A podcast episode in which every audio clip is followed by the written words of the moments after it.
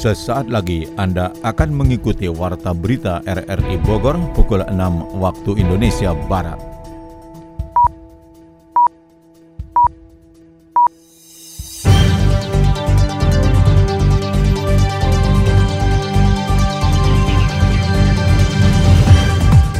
Selamat pagi.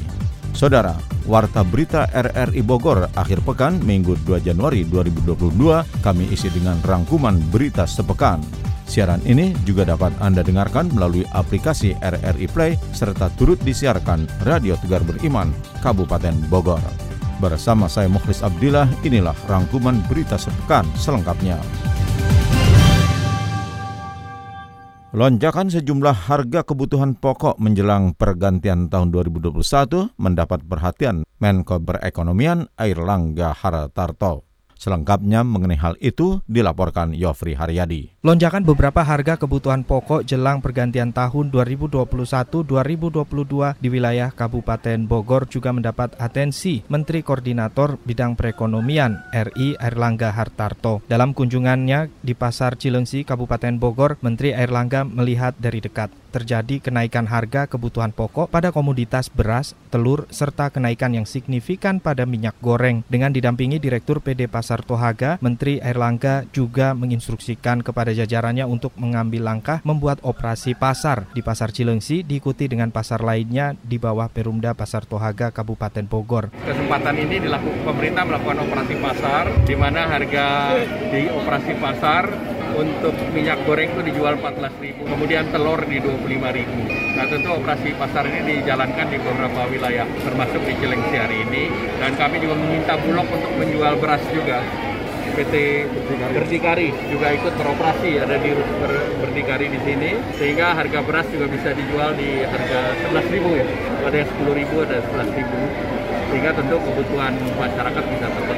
Secara nasional, ketersediaan kebutuhan pokok di penghujung tahun ini masih aman. Kenaikan harga, terutama minyak goreng yang diakibatkan oleh naiknya harga bahan mentah minyak goreng yang berasal dari jagung dan minyak kelapa sawit. Lebih lanjut, Menteri Erlangga menambahkan capaian pencairan bantuan kredit usaha rakyat KUR sudah mencapai 97 persen dan rencananya tahun depan akan ditingkatkan lagi menjadi 378 triliun rupiah yang tujuannya untuk mempercepat pemulihan ekonomi nasional. Sampai dengan hari ini sudah 278 triliun, sudah 98 persen. Sehingga ini kita tahun depan kita akan tambahkan menjadi 370 triliun. Operasi pasar yang dilakukan pemerintah pusat dengan menggandeng BUMN pertanian itu pun dapat menekan kenaikan harga kebutuhan pokok di antaranya minyak goreng dijual dengan harga Rp14.000 per liter, gula Rp11.000 dan telur ayam Rp25.000 per kilogramnya.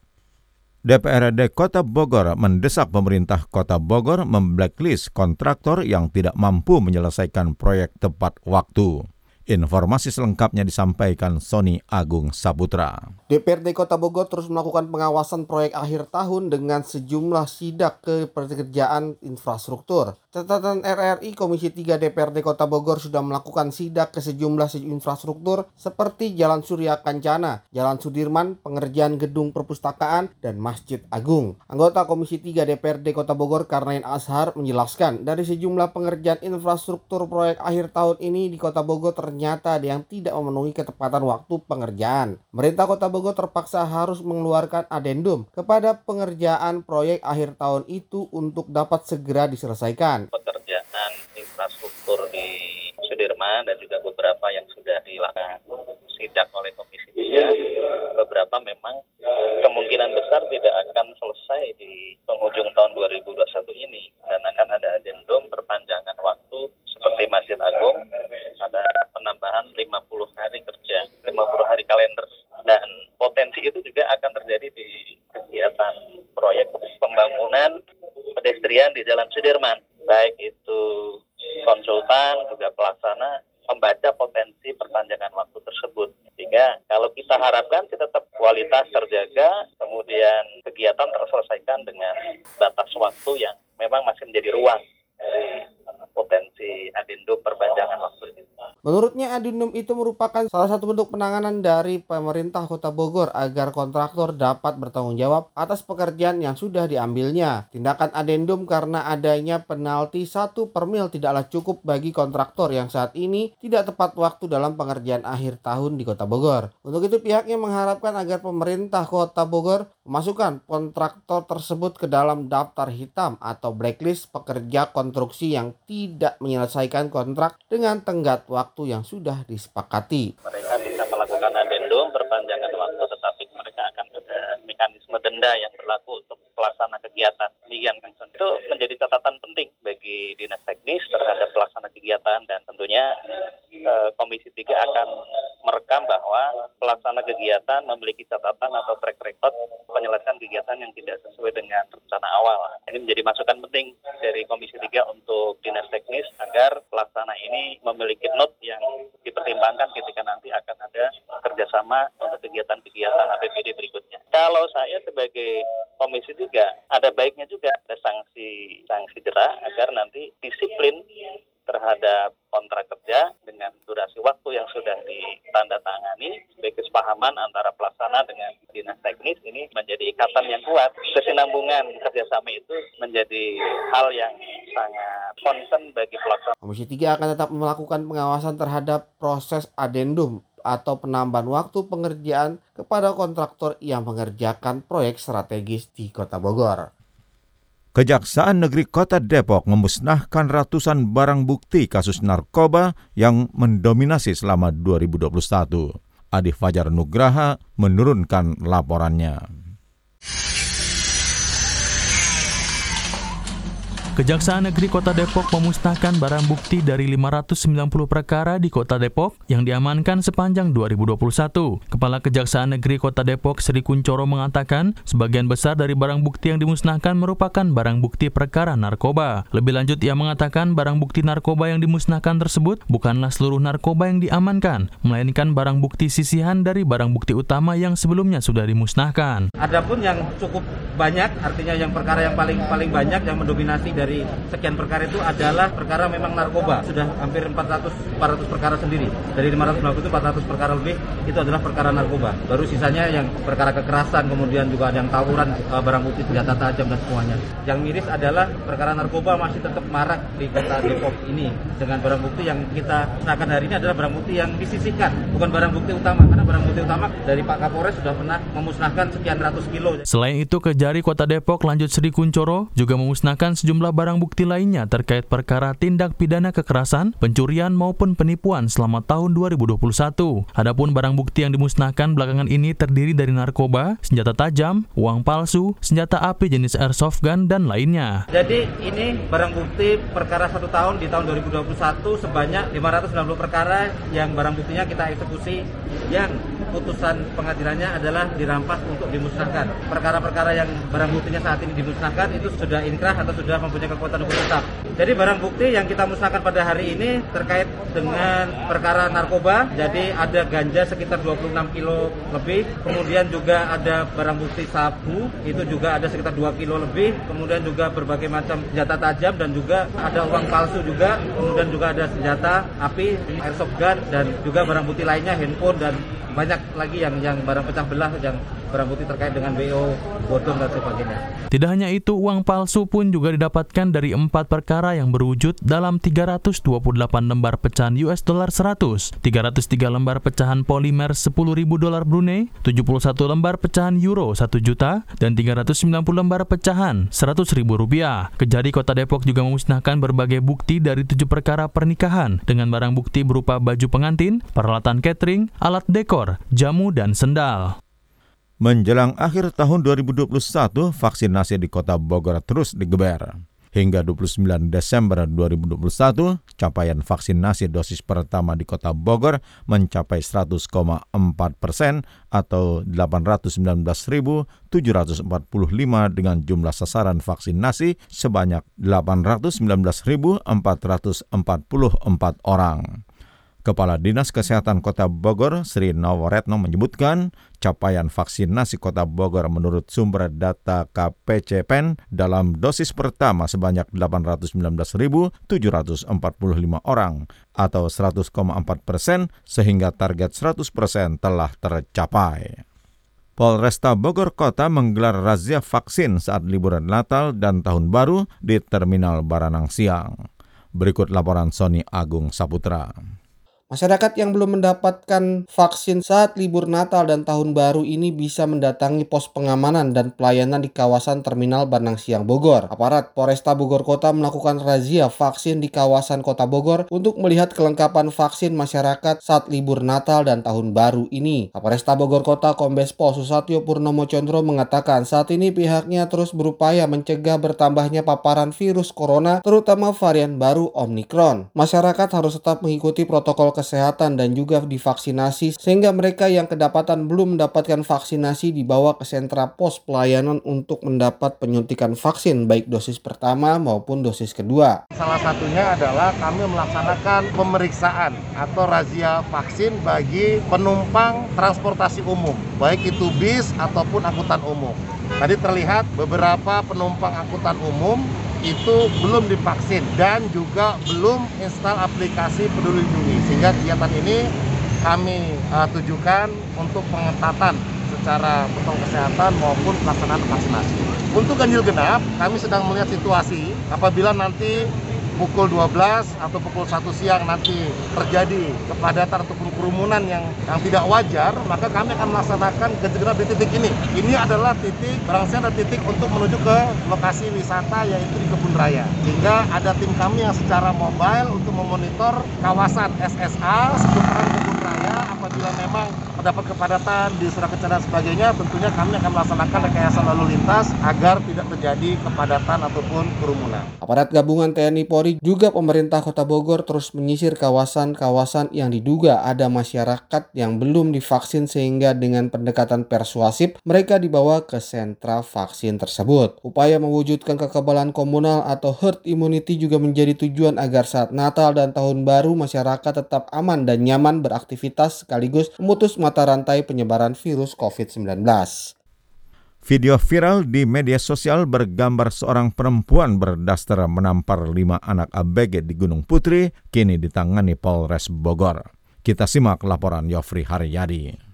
Video viral di media sosial bergambar seorang perempuan berdaster menampar lima anak ABG di Gunung Putri kini serius ditangani Polres Bogor setelah adanya laporan dari salah seorang anak ABG yang ternyata masih berstatus pelajar. Dalam video itu pun seorang perempuan berdaster yang kini berstatus sebagai saksi itu pun diduga mengakomodir gadis remaja untuk diberikan pekerjaan menemani minum para pelanggan di rumah bernyanyi serta tempat hiburan malam. Kapolres Bogor AKBP Harun menjelaskan, setelah laporan diterima ada tujuh orang yang terekam dalam video berdurasi satu menit tersebut diperiksa oleh Unit Perlindungan Perempuan dan Anak Polres Bogor. Meski belum dibuka kepada publik, namun dipastikan laporan aduan dari orang tua korban itu dikembangkan lebih dalam. Masih kita lakukan penyelidikan terlebih dahulu, baru juga kami terima laporan uh, yang bersangkutan dari keluarga uh, kemarin malam. malam. Ya, kekerasan. Kita kan masih masih penyelidikan dulu ya. Nah, yang ada viral itu yang ditampar itu nah, yang hmm. laporannya tadi malam. Nanti kita pastinya akan dilakukan penyelidikan lebih lanjut lagi. Hmm. Nanti kita lihat, ya pasti proses itu pasti akan berlanjut. Pertama mungkin pemeriksaan dari para calon saksi dalam hmm. dalam rangka penyelidikan dan juga kita mencari alat bukti yang lainnya dengan alat visum dan juga yang lainnya pasti nanti akan kita lakukan. Setiawan, orang tua korban, salah satu perempuan yang terekam dalam video tersebut mengatakan, dari cerita anaknya diketahui apabila lingkar pergaulan mereka telah disusupi oleh orang yang diduga menjadi mucikari gadis remaja. Bahkan dari pengakuan anaknya, Setiawan mengatakan anak-anak yang ada dalam lingkar pergaulan mereka juga ditawari narkoba jenis sabu. Melecehkan ya, karena dengan nominal 50 ribu itu si korban ini menawarkan untuk menemani. Pengetahuan saya, saya tidak tidak tahu juga dan tidak mengenal juga tapi ada kemungkinan atau diduga mengarah ke arah prostitusi. Kita semua melaporkan apa yang menjadi pelaporan anak terhadap orang tua kita laporkan. Salah satunya menawar, uh, ditawari dibayar 50 ribu untuk menemani om dan ditawari juga sabu sabu-sabu. Cuman dia tidak memperlihatkan, cuman menawarkan saja. Mau mau pakai sabu nggak? Saya berharap kepada pihak kepolisian untuk memutus mata rantai pihak perdagangan anak atau trafficking ya mas jadi trafficking dan harus gerak cepat. Berdalih diiming-imingi uang Rp50.000 dan pekerjaan yang cepat menghasilkan uang, para gadis remaja ini pun terpancing menjadi bagian dalam bisnis prostitusi terselubung. Polisi belum menetapkan tersangka dan kelima korban yang diamankan masih trauma dengan tindak kekerasan fisik dan mental yang diterimanya. Saudara, Anda tengah mengikuti rangkuman berita sepekan dari Radio Republik Indonesia Bogor.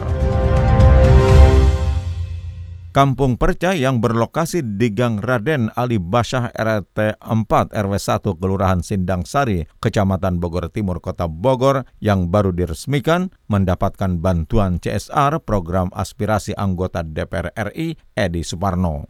Bantuan sebesar 35 juta rupiah untuk pengadaan mesin jahit pengrajin perca khas Sabilulungan itu diserahkan Edi Suparno diperuntukkan pengembangan kampung perca. Selain itu, legislator Senayan tersebut juga memberikan bantuan renovasi Masjid Ka'ab bin Jubair di RW 01 Kelurahan Sindang Rasa sebesar 25 juta rupiah. Wakil Ketua Komisi 7 DPR RI itu menuturkan Kampung Perca merupakan kampung teladan di mana ke depan diharapkan banyak lahir kampung-kampung perca lainnya di seluruh Indonesia. Ini ujarnya, kedatangan untuk kedua kalinya ia mengaku terkejut atas perubahan yang ada dan tidak menyangka kalau kampungnya sudah begitu apik, tertata, dan rapi. Ia yakin kampung percat tersebut akan menjadi daya tarik tersendiri baik bagi warga Bogor maupun yang lainnya. Genangan setinggi satu setengah meter di kampung Cicerewet, Desa Cijayanti, Kecamatan Babakan Madang, Kabupaten Bogor, diduga akibat pengembangan perumahan elit di kawasan itu. Laporan selengkapnya disampaikan Yofri Haryadi. Pasca terjadinya banjir genangan setinggi 1,5 meter di kampung Cicerewet, Desa Cijayanti, Kecamatan Babakan Madang, Muspika Babakan Madang melakukan kunjungan lapang memastikan penyebab banjir genangan tersebut. Salah satu yang menjadi atensinya adalah dugaan pengembangan perumahan elit di kawasan tersebut yang mengakibatkan menyempitnya aliran air dan sungai sehingga menggenangi pemukiman padat penduduk warga di bawahnya. Salah seorang warga kampung Cicerewet, Tika, mengatakan dua tahun sebelum pengembangan pengembangan proyek perumahan elit di kawasan itu tidak ada banjir genangan sedahsyat itu. Ini tuh habis dibenerin, berhubung imbas dampak banjir, semuanya rusak lagi. Ini rusak, terus rusak e, kamar pun rusak. Yang ini nih, ini tuh sebenarnya tadinya nggak ada pintu, rusak banjir semua. Ditegasin lagi ya, ditegasin lagi sama orang mungkin orang dalam atau orang desa atau orang yang punya perumahan ini supaya apa namanya warga di sini tuh semua tenang gitu ya, nggak ada banjir lagi, kerusakan ataupun apa ya karena kita semua di sini nggak tenang. Kalau misalkan ada banjir terus di sini, kita semua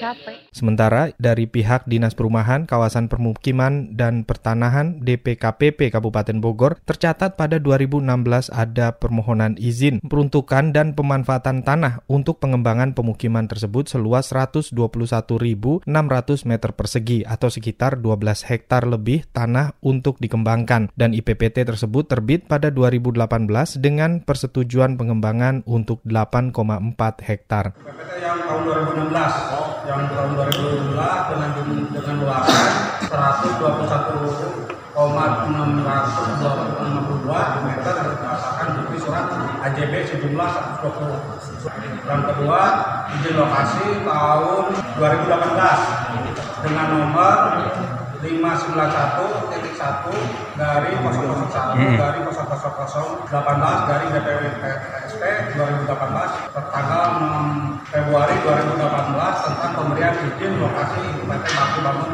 Harmoni sejumlah seluas 8 hektar, 5 Sementara itu, Ketua Komisi 3 DPRD Kabupaten Bogor Sastra Winara menjelaskan upaya untuk memediasi antara pengembang proyek perumahan dan warga untuk jangka pendek sudah dilakukan. Pihak pengembang melalui kontraktor pelaksana memberi bantuan sembako dan perbaikan rumah warga yang membutuhkan. Setelah kita lihat ke lokasi memang mungkin pertama kemarin curah hujannya tinggi, jembatan lagi dibangun. Tadi kita udah koordinasi apa yang sudah dilakukan oleh pihak pengembang. Alhamdulillah udah bantu, mungkin sembako, langkah awal awal. Untuk sementara kita minta untuk penanggulangan banjirnya tetap dilaksanakan, untuk pembangunan dan lain-lainnya kita hentikan dulu sampai mungkin Selasa kita rencana mau ke sini lagi. Nah, ada kita ada serpen dari dinas, kita minta datanya dari pihak perusahaan belum siap. Mungkin Selasa nanti kita ke sini lagi, nanti kita ulang lagi. Kita lihat tadi kan mungkin ada penyempitan nih saluran air, oh, ya? salah satunya itu. Sebelumnya sempat terjadi bentrok antara warga dengan kontraktor pelaksana proyek The Sanctuary di Desa Cijayanti. Warga marah lantaran ada turap bantaran pembatas antara komplek perumahan yang menghambat laju air hingga mengakibatkan 27 rumah warga dan 32 kepala keluarga menjadi korban banjir pada 20 Desember lalu. Saudara, ada lima faktor kunci bagi kota Bogor untuk terus melangkah maju menuju kota yang toleran sekaligus menjadi kunci keberhasilan dalam mengelola masalah toleransi. Kelima faktor kunci itu adalah political will atau komitmen politik dari pimpinan, kerangka hukum, kerjasama kelembagaan, penguatan simbol pesan kunci, dan inisiasi-inisiasi yang bersifat melampaui teritori kota Bogor. Wali Kota Bogor Bima Arya pada refleksi akhir tahun 2021 menuturkan political will tidak hanya dari wali kota, tetapi juga camat, lurah, harus sama rata dan kepemimpinan yang menjadi nomor satu. Siapa pun nanti wali kotanya, kata Bima, harus memiliki komitmen kuat untuk melanjutkan semangat toleransi. Untuk kerangka hukum dalam bentuk regulasi, Bima menyatakan tidak boleh ada yang mencederai, bahkan harus terus menguatkan. Diturunkan oleh semua dinas dan dipahami oleh aparatur wilayah sebagai pengamanan. Menurutnya, pemerintah Kota Bogor tidak bisa sendiri, melainkan harus bersama-sama. Memang tidak semua paham membumikan konsep moderasi sehingga menguatkan toleransi, pihaknya tambah Bima perlu dibantu. Kecamatan Bogor Timur, Kota Bogor bekerja sama dengan Surveyor Indonesia menggelar vaksinasi sasaran anak 6 hingga 11 tahun di kantor kecamatan setempat pertengahan pekan ini. Didampingi orang tuanya, anak-anak tersebut antusias mengikuti vaksinasi dosis pertama. Terlebih usai disuntik vaksin Sinovac, peserta vaksinasi mendapatkan sembako gratis dari Surveyor Indonesia. Wali Kota Bogor Bima Arya mengatakan sejauh ini data vaksinasi anak usia 6 hingga 11 tahun bagus dan setiap hari terus bertambah. Ini merupakan strategi yang ditetapkan pemerintah pusat untuk mengantisipasi varian baru dengan percepatan vaksin bagi anak-anak. Taekwondo Kabupaten Bogor berhasil meraih 10 medali pada babak kualifikasi Porprov 14 Jawa Barat. Informasinya disampaikan Ermelinda. Cabang olahraga taekwondo Kabupaten Bogor berhasil meraih tiga medali emas, lima perak, dan dua perunggu pada babak kualifikasi Pekan Olahraga Provinsi Porprov ke-14 Jawa Barat yang berlangsung di Balai Danahan Kabupaten Subang. Raihan medali tersebut diperoleh Jihan Febrianti dari nomor Kyorugi U57 Putri, Agnes Kyorugi U67 Putri, dan Salwa Amerilia Mutiara Maulidia serta Keya Natarela dari nomor Pomsai Bergu Putri. Asep Saripudin, pengurus taekwondo Indonesia Kabupaten Kabupaten Bogor mengatakan capaian tersebut sudah sangat baik hasil perjuangan dan kerja keras para atlet selama ini yang sudah sangat maksimal. Evaluasi juga akan terus dilakukan baik dari sisi pembinaan maupun teknis agar capaian di Porprov Jawa Barat 2022 bisa direalisasikan. Kami dari tim Taekwondo Kabupaten Bogor pada ajang BK Porda ke-14 yang dilaksanakan di Subang merasa cukup puas meski ada beberapa kendala dan progres latihan yang memang masih belum maksimal. Namun dari hasil yang kami dapat pada pasal ini tiga emas, lima perak dan dua perunggu sudah sangat maksimal. Mudah-mudahan untuk evaluasi ke depan apa yang akan kita tingkatkan dan capai pada Porda akan datang bisa lebih baik. Saya bangga pada tim dengan kerja kerasnya, pantang menyerah dan saya harap tidak berhenti sampai sini karena dukungan ini akan kami butuhkan khususnya terhadap program-program pembinaan jangka panjang yang akan kami lakukan menuju Porda 14 2020. Sementara itu, sang pelatih Arif Gandhi atau yang biasa disapa Sabem Agan mengakui 90% atletnya sudah memberikan yang terbaik. Yang pertama sih kita bersyukur ya Alhamdulillah kita bisa meloloskan 90% atlet kita ya di BK Polda kemarin. Dan hasil yang kemarin tersebut juga itu ya udah luar biasa untuk anak-anak. Dikarenakan emang kita pertemuan latihannya itu training camp itu emang kita hampir cuma hanya dua bulan untuk bisa melaksanakan di BK Polda ini. Seharusnya kita bisa memperoleh bisa 5 sampai 5 4 sampai 5 emas kemarin itu dikarenakan tapi ada faktor eksternal yang bisa anak-anak menjadi kalah di final. Uh, ini kan ajang untuk mencari lolos kelas pada Polda di 2022 ya untuk anak-anak sih udah hal yang luar biasa ini dengan hasil yang seperti ini 3 emas 5 perak 2 perunggu. Arif Gandhi menambahkan setelah ini ia bersama timnya akan menggenjot program latihan selama 6 bulan ke depan sebelum Porprov 2022. Evaluasi dan program latihan sudah disiapkan dan para atlet akan terus berlatih fisik guna memperoleh hasil yang terbaik.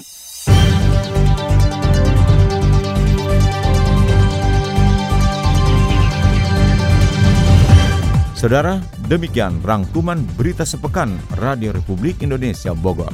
Anda dapat kembali mendengarkan siaran ini lewat podcast kami di Spotify, Anchor, Podtail, dan Google Podcast. Saya Muhlis Abdillah merangkap Des Editor bersama penata teknik Mahdi Nur mengucapkan terima kasih atas kebersamaan Anda. Selamat pagi dan selamat berakhir pekan.